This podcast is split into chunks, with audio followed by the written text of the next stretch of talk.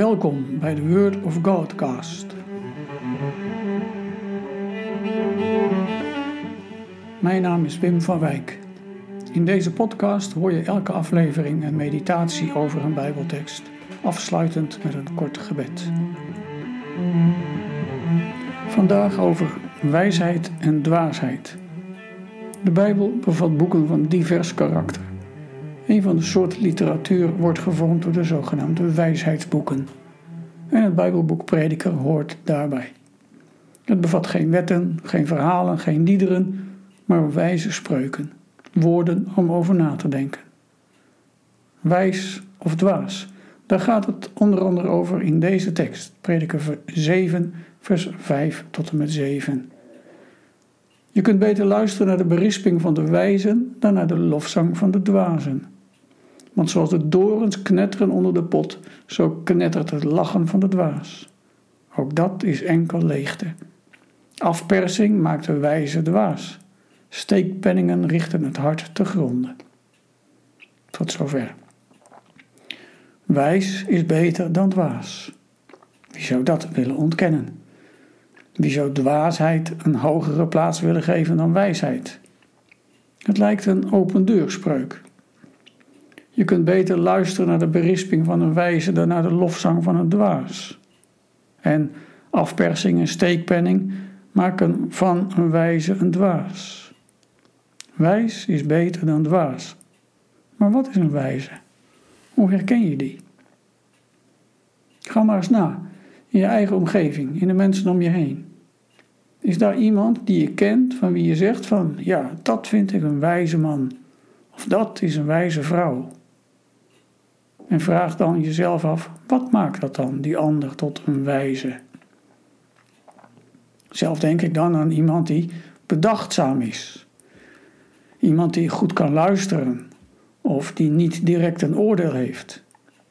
Iemand die in eerste instantie niet zoveel zegt, maar als hij of zij iets zegt, dan is het ook zinvol. Dan is het raak en dan proef je, dan heb je daar wat aan.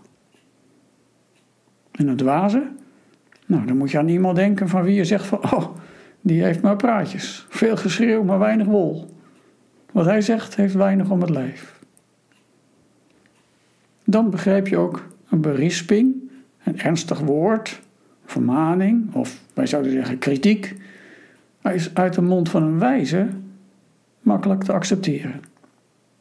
Nou ja, over het algemeen is het niet zo gemakkelijk om kritiek te krijgen. Een compliment is veel fijner. Een wijs iemand zal zich richten op het goede voor de ander. En hij heeft geduld met je. En hij formuleert zijn kritiek ook liefdevol. Dat proef je, dat voel je direct aan. Soms zeggen wij wel eens te snel: ja, het moet wel opbouwende kritiek zijn hoor. Of ja, je moet eerst zeggen wat goed is. En daarmee maken we ons er misschien toch een beetje van af. Als een wijs iemand corrigeert, kritiseert, berispt, dat in zichzelf opbouwend, liefdevol en geduldig. De lof van een dwaas, daar koop je echt niks voor. Het is iets in de trant van, ach, nou ja, je weet wie het zegt. Knetterende dorens, zegt prediker. Het lijkt heel wat, maar binnen de kortste keren is het opgebrand. Even heel fel branden ze, maar leveren niet echt energie. Wijsheid. Daar houd je het langer mee uit. Maar ook een wijze is niet onaantastbaar. Een wijze kan onder invloed raken van het geld. Smeergeld, omkoping, steekpenningen, afpersing. Je ziet het gebeuren. Er is niets nieuws onder de zon. Er treedt een nieuwe directeur aan in een groot bedrijf. Hij komt orde op zaken stellen in een woningcorporatie, in een nutsbedrijf, in de bank of in de politiek. Hij heeft goede papieren en het vertrouwen van de mensen. Maar eenmaal in het web waarin macht en invloed zich laten gelden, raakt hij gevoelig voor geld en gaat door de knieën. En dan volgt er een proces, een parlementaire enquête, maar op een gegeven moment verlaat hij het toneel met een gouden handdruk. Zoiets. Zelfs de wijsheid is niet bestand tegen de macht van het geld. Wie is dan wijs? Wie dwaas? Dat is moeilijk te onderscheiden. Het is ook niet of-of. Of je bent wijs en dan altijd wijs. Of je bent dwaas en dan altijd. Er is grensverkeer.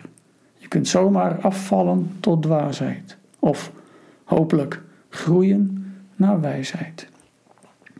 In het apocryfe wijsheidsboek Jezus Sierig vond ik iets moois wat hiermee te maken heeft en wat ik jou graag doorgeef. De Heer vrezen is het begin van de wijsheid. De Heer vrezen is de voltooiing van de wijsheid.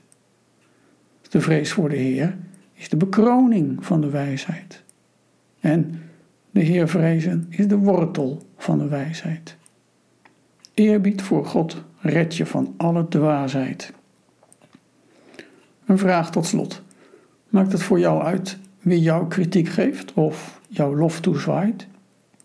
En hoe kun je zelf groeien in wijsheid?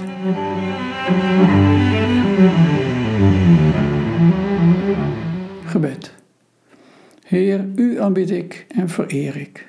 Schenk mij wijsheid in het hart. Amen.